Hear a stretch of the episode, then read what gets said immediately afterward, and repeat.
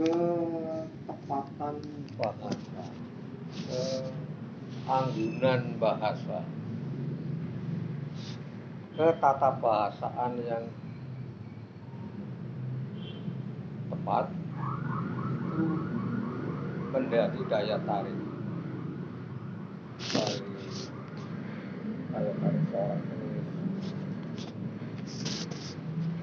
Membaca itu pertama kali merasakan kualitas bahasa si penulis. Belum ke isinya. Ke isinya baru nomor jadi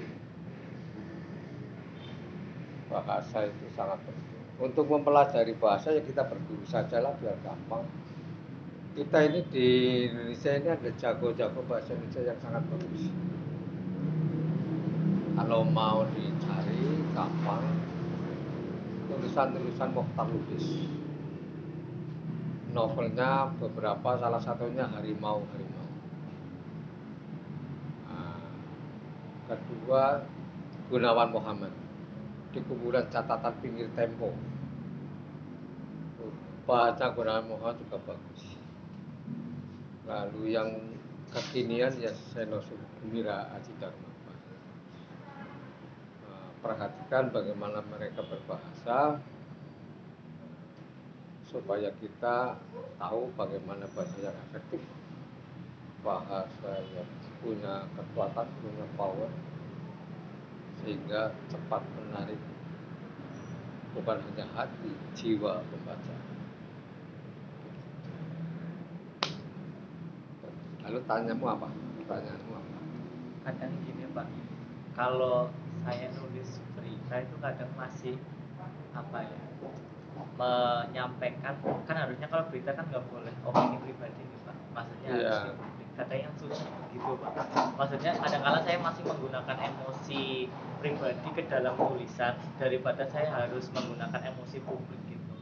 Itu mungkin harus bagaimana gitu pak menuangkan dalam tulisan. Saya bekas redaktur harian merdeka di jadi menulis berita itu memang harus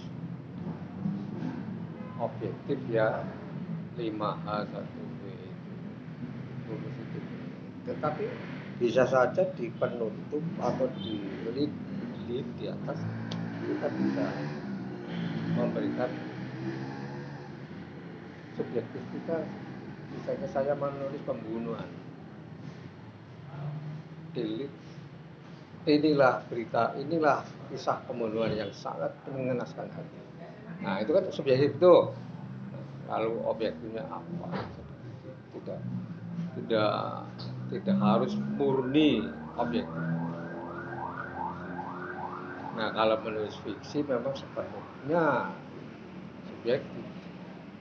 Saya nulis ronggeng Barat itu semuanya sudah itu, menurut saya aja itu nggak ada yang menurut siapa siapa menurut saya itu berapa? 400 halaman itu menurut saya karena itu fiksi ya.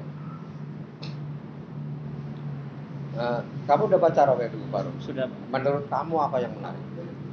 Banyak sih pak. Mulai dari uh, kisah tentang uh, baik dari segi budayanya maupun dari Ah. segi segi kemanusiaannya pak. Iya. Oh, begitu. Ya, jadi loh, sudah baca belum? Kalau belum baca nggak nggak ada gunanya kita bicara. Udah. Jadi nanti dibaca novel itu baru ya sekarang tapi saya pengantarnya sekarang jadi novel itu ditulis menggunakan bahasa yang final bahasa yang sempurna tidak bisa diperbaiki lagi kalimat-kalimatnya banyak yang sangat pendek. Karena kalimat yang panjang suka menghilangkan logika. Pemilihan kosakata juga sangat diperhitungkan. Jadi kalimat-kalimat di dalam novel-novel saya itu efektif. Eh, tidak ada kosakata yang mubazir yang tidak ada fungsinya. Sama eh, kualitas begitu bisa dicapai dengan hmm, dengan suatu proses. Ketika saya pertama kali menulis ya tentu tidak sesempurna Roket Baru. Kalau kamu baca misalnya novel saya awal-awal itu kan di kaki bukit itu, itu nalarnya masih sederhana, kalimat-kalimatnya juga masih sederhana, tapi kemudian meningkat meningkat sampai mungkin klimaksnya pada novel Baru itu sudah itu sudah jadi saya, saya yang jadi itu jadi Roket Nah, kalau menulis berita itu memang 5H, 5W, 1H itu harus disempurnakan. Kalau tidak itu ya bukan berita itu enggak ping, apa pincang itu valid, invalid enggak, enggak, enggak, enggak bisa tanpa 5W, 5H, 1W. Nah, di dalam menulis berita juga sekarang nulis beritanya di internet ya? Iya, media elektronik. Itu juga. Pak publishnya di media elektronik. Iya, iya. Ada yang cetak, ada yang elektronik gitu. Itu juga. Di KR di sering banget. DKR. KR Jogja. Betul, betul. Ya. Itu di dalam menulis berita itu kadang-kadang kamu bikin judul sendiri apa sana saya bikin judul sendiri tapi kadang katanya kalau judul itu yang agak genit atau gimana gitu pak ya, biar ya. ketertarikan membaca terhadap ya, betul. isi gitu uh, redaktur yang membuat judul itu memang harus punya kualitas kualitas redaktur. Bagaimana kalimat itu menarik dan sekaligus berisi gambaran beritanya ayat. Itu juga bisa hanya bisa dilakukan dengan proses. Artinya calon redaktur ya tentu saja masih belum begitu baik. Bikin cerita cerita pendek apa tidak? Belum mulai ke situ. Kamu udah bikin cerita pendek? Sudah? Sudah bikin cerita pendek? Cerpen. Ya, Cirebon belum? SMA berapa kali? Belum ya. Ya cerita pendek itu saya mulai menulis cerita pendek pada umur yang terbit maksud saya pada umur 23 jadi tahun cerita pendek pertama saya terbit. Yang sebelum itu memang tidak diterbitkan untuk sendiri. Nah, biasanya menulis cerita pendek kalau dikirimkan itu harus bersaing dengan para penulis yang sudah mapan itu repotnya. Kalau bisa kita ngirim cerpen ke Kompas itu setidaknya kita akan bersaing dengan 50 orang cerpenis karena setiap minggu ada 50 orang yang menulis naskah cerita pendek ke Kompas. Nah, ngakali persener itu berat hanya bisa diatasi dengan suatu kualitas yang yang memang unggul dan punya daya kejut karena penulis pemula tulisannya cuma datar-datar saja ya repot dalam persaingan. Nah kalau kalau tidak ingin bersaing di meja redaksi ya terbitan aja sendiri sekarang gampang. Apa antologi antologi apa namanya? Apa tadi kamu indie gitu. Nggak apa-apa. Ditawarkan lewat medsos siapa tahu nanti ada yang saya punya pendek yang harganya beratus-ratus juta ya karena sebuah cerita pendek saya bisa dipanggil ke Amerika lalu itu dibilang wah jadi ke dalam bahasa Inggris satu cerita pendek. Nah, biasanya orang mencerpenis itu punya punya kecenderungan khusus. Saya itu kecenderungannya itu eh, apa namanya realisme. Realisme itu apa yang nyata di masyarakat dan cenderung cenderung ke orang-orang kelas bawah seperti. Nah, pengarang yang terkenal seperti itu Anton Chekhov dari Rusia sangat khas kalau cerita pendek tentang orang miskin tentang orang sengsara tentang orang gila. Ya, saya seperti mengikuti pola pikiran dia. Jadi saya tidak bisa menulis tentang orang yang kaya.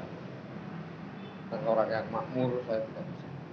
Itu ada di luar garis pandang saya. Jadi tidak mungkin deh dibayar berapapun nggak bisa nulis tentang orang kaya Terus apalagi pertanyaannya saya udah ngomong udah capek loh Apa tuh Pak? Eh, kalau novel produk novel Kepar itu saya pernah baca waktu SMA walaupun nggak sampai selesai. Eh, selain terkait dengan sosial budaya terus dengan kemanusiaannya satu hal yang saya ingat itu eh, bapak berani gitu nulis itu. Oh, iya. Karena sampai sepengetahuan saya sependek pengetahuan saya itu bapak kan sampai di cap sebagai simpatisan. PKI. PKI gitu kok. Berani. Gitu. Dan ya. Jadi ketika buku itu terbit saya di semacam digugat oleh dua pihak. Satu pihak justru dari kaum saya kaum santri. Kaum santri penulisnya ronggeng Betul belakang. ada beberapa kiai yang menggugat seperti itu. Lalu jawaban saya mengejutkan dia. Justru karena saya santri justru. Maka saya bisa menulis tentang masyarakat yang paling berdosa dasarnya apa? Kok bisa begitu sikap saya? Dasarnya begini.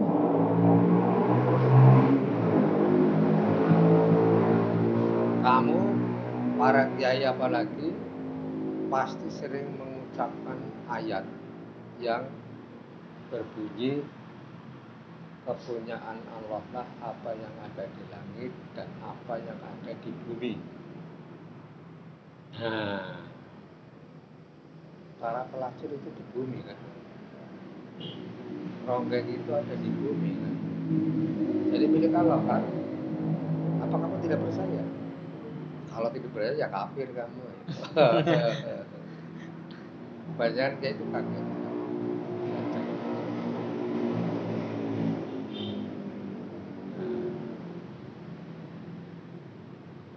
Dengan begitu sebetulnya perintah ikra bismi rabbikal ladzi khalaq tidak ada pembatasan. Bacalah NU saja atau Muhammadiyah saja enggak begitu baca bacalah baca. cuman pa- pasti akal kita mengatakan bahwa kalau membaca hal-hal yang baik maka sikap kita positif. Kalau kita membaca hal negatif ya sikap kita negatif menolak artinya. Tapi dibaca jangan jangan menolak tidak tahu. Mencuri itu buruk tapi apa sih mencuri? Harus jelas. Itu di hmm, dasar kepenulisan saya tentang gak main-main. Itu menyentuh level keimanan jadi tidak main-main. Seperti itu. Lagi pula yang namanya porno atau saru itu adanya di kepalamu sebetulnya bukan di mana-mana di kepala jadi mengatakan pasangan itu belum berkumpul. Ngerti maksudnya? Pengantin baru itu belum berkumpul. Mengerti maksudnya? Artinya belum bersenggama. Jadi kata-kata bersenggama kan sebenarnya ya netral-netral saja kalau kita tidak bumbu dengan perasaan yang jorok. Jadi, ya, jadi kalau porno itu ya netral saja sampai kata yang lain. Lagi pula saya dari tradisi NU itu belajar fikihnya itu detail. Kamu sholat? Saya yakin rukunnya sholat kamu hafal nggak? Nggak. Nggak. Rukunnya wudhu hafal nggak nggak kok bisa begitu? Sah nggak wudhunya orang yang nggak paham wudhu? yang wajib yang sunnah dalam wudhu apa saya nggak tahu juga. Konyol kan? Mana mana gitu lah berkumur itu rukunnya wudhu bukan? Bukan tahu dia nggak tahu. Bukan. Yang rukun itu mulai dari cuci muka. Nah itu, nah jadi kalau karena karena kita tuh di santri itu fikihnya detail, jadi kita sudah merambah kosakata kosakata yang dianggap sahih. Saya begini, salah satu yang membawa membatalkan wudhu kita itu menyentuh kubul dan dubur. Kamu ngerti dubur? Mengerti ya belakang ya. Kubul mengerti. Yang di depannya baik lagi lalu batasnya mana kubul itu? Nah kan jelas kan? Nah itu di di misalnya di, di, di diterangkan secara detail. Yang namanya kubul laki-laki itu penis batasnya penis ini ini ini. Kantongnya itu bukan bukan penis itu bukan nyenggol penis kantongnya itu enggak batas nah itu didetilkan seperti itu. Jadi ketika belajar mutaharah jadi kita sudah sampai ke kalimat-kalimat yang kalimat yang sama seperti itu akhirnya menjadi hal yang biasa. Nah, tapi di kalangan orang yang tidak belajar fikih, tidak belajar mutaharah dianggap itu saru apa sih saru otakmu yang saru Nah, sekarang menulis. Nah.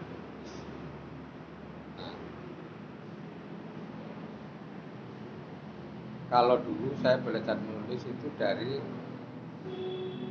pengalaman-pengalaman kecil dalam bentuk catatan harian, catatan harian.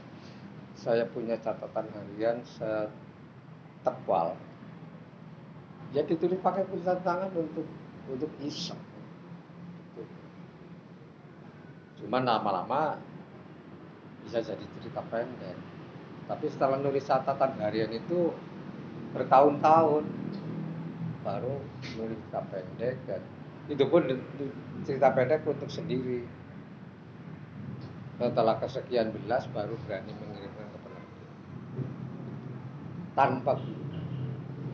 Tidak ada yang mengajari saya. Nah, coba kamu coba begitu ya. Mau sekarang gampang pakai itu aja jadi. Apa nulis ya. Saya dulu harus pakai ya?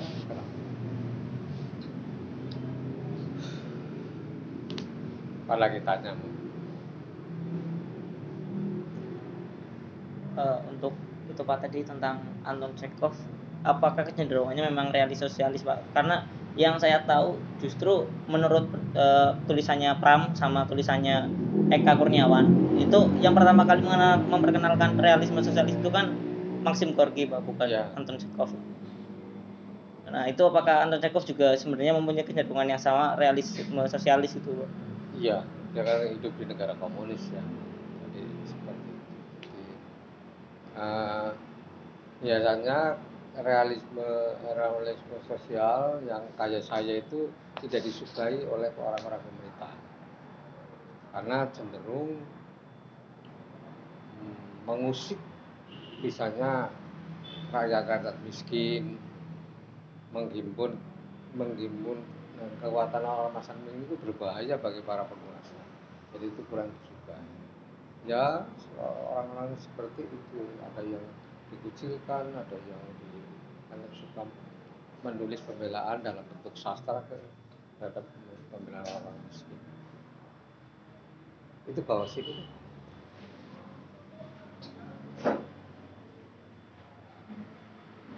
Kamu pernah menulis fiksi belum pak Belum. Nah, karena saya ketertarikan nulis kan sebenarnya dulu dari SMA kan saya SMA sini pak ah Nah, tapi sekarang karena jadi orang Jogja gitu, karena Ah. SMA dulu pernah uh, mengundang Pak Ali Hmm, waktu kegiatan OSIS terkait dengan masalah tulis berita. Nah, Iya. sejak itu terus saya menggiati Pak, alhamdulillah gitu. Iya, menggiati terus sampai sekarang jadi seneng gitu nulis gitu. Karena dari dulu pas waktu dengar uh, anu hari pas dari narasumber di SMA kan saya yang undang dulu ke sini. oh iya Iya. Jadi ini sowan lagi gitu Pak. Setelah Ah. sekian lama saya jadi orang Jogja. Iya. Dan sementara ini sudah menulis eh, berita di internet itu di Iya. iya. Beberapa buku nggih sudah terbit. Oh iya, apa? Fiksi apa apa? Buku akademis sih Pak. Akademis. Apa? Objeknya apa? Ya biasanya terkait dengan buku, biasanya Oh, terkait oke. dengan warga negaraan. Ah, begitu. Karena Kamu udah sarjana? alhamdulillah Pasca sarjana Pak. Apa? Pas sarjana apa jurusannya? PKN hukum, PKN. PKN PKN itu Kewarganegaraan. pendidikan kewarganegaraan. Iya. ketertarikan mulai SMA karena dulu undang Hmm. waktu di SMA Iya. terus saya lama di Jogja terus baru ke sini lagi nih Iya. Pak jadinya Apa sekarang kerjaan? Dosen apa gimana? alhamdulillah sudah uh, ngajar di Jogja Di Jogja apa? Kerja di mana? sekarang masih SMP tapi insya Allah SMP. dalam waktu dekat dia pindah ke kampus Oh. Nggih. karena baru alhamdulillah Pak baru lulus kemarin S2 Oh, iya. Nggih. alhamdulillah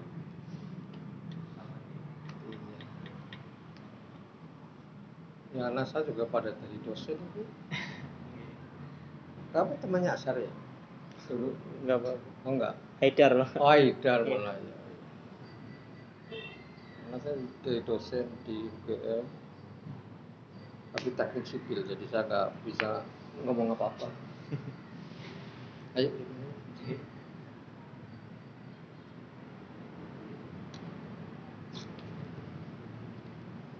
Ayo, dibukain tuh.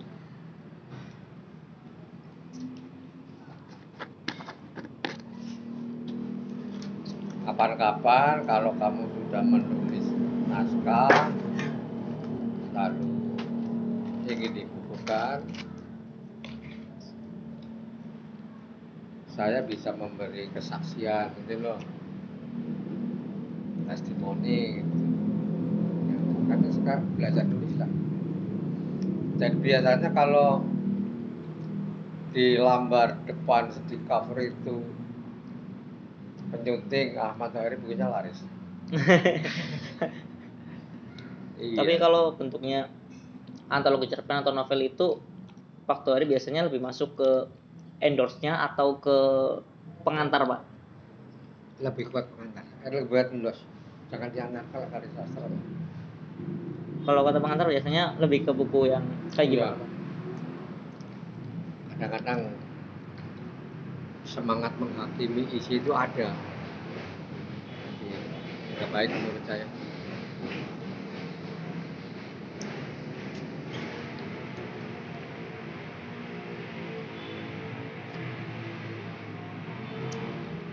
Saya sangat berminat ke- kepada aspek kebahasaan. Jadi, jadi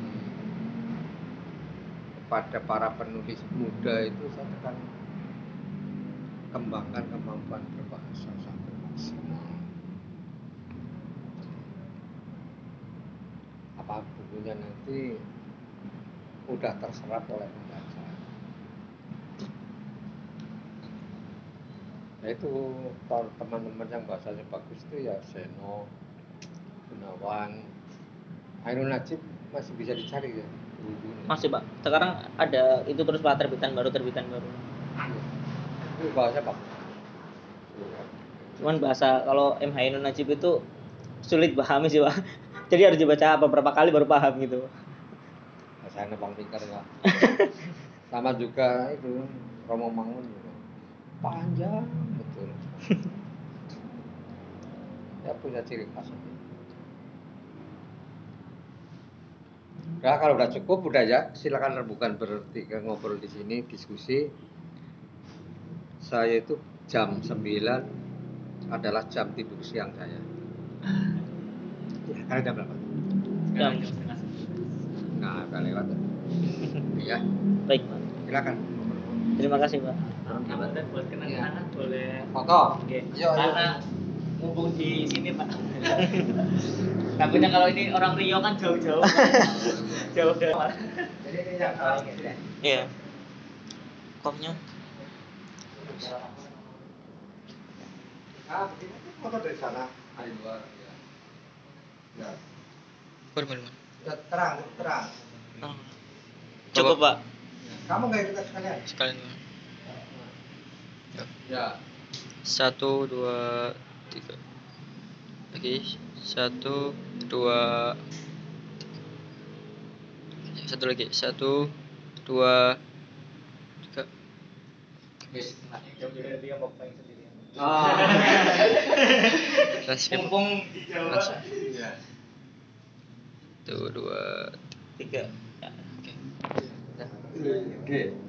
Ah, aslimu mana jadi nenek moyangmu di mana? Kota bahasa gitu. Kota mas. Ya. Dan nenek ah, orang. Orang tua Iya. Cuma asal lahir dan besar di Oh, Oke ya, silakan Pak. Ada namanya ya. iya, iya. Oke. Akhirnya aku beda. siap Oke. Aku nulis itu aku nulis tuh. hubungan Aku nulis.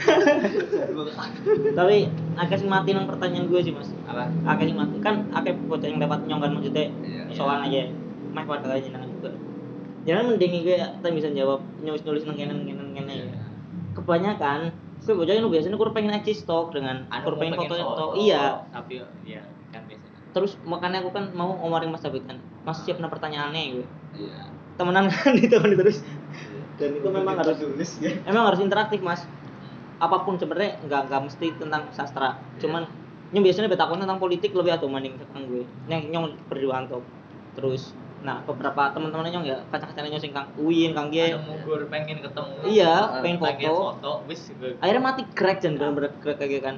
Jadi malah nih setiap kali nyong kan belajar dari beberapa pengalaman seperti itu. Akhirnya Iya. setiap kali orang yang lewat saya itu Siap. mesti minimal 10 pertanyaan gitu mas. Dan sing lebih kejaman ini anak wis waktu di ke disit awal awit awal wis anu ngendika tanpa anak moderator di kang nyong gue bisanya langsung nulis apa orang? iya udah nulis gimana baca orang yang baru belum ya. Naik nurung kan bingung naik orangnya percuma dari sia-sia Aja eneh ibaratnya. ibaratnya ya secara gue ngusir nulis saya Untung nyong wis gue. Jadi om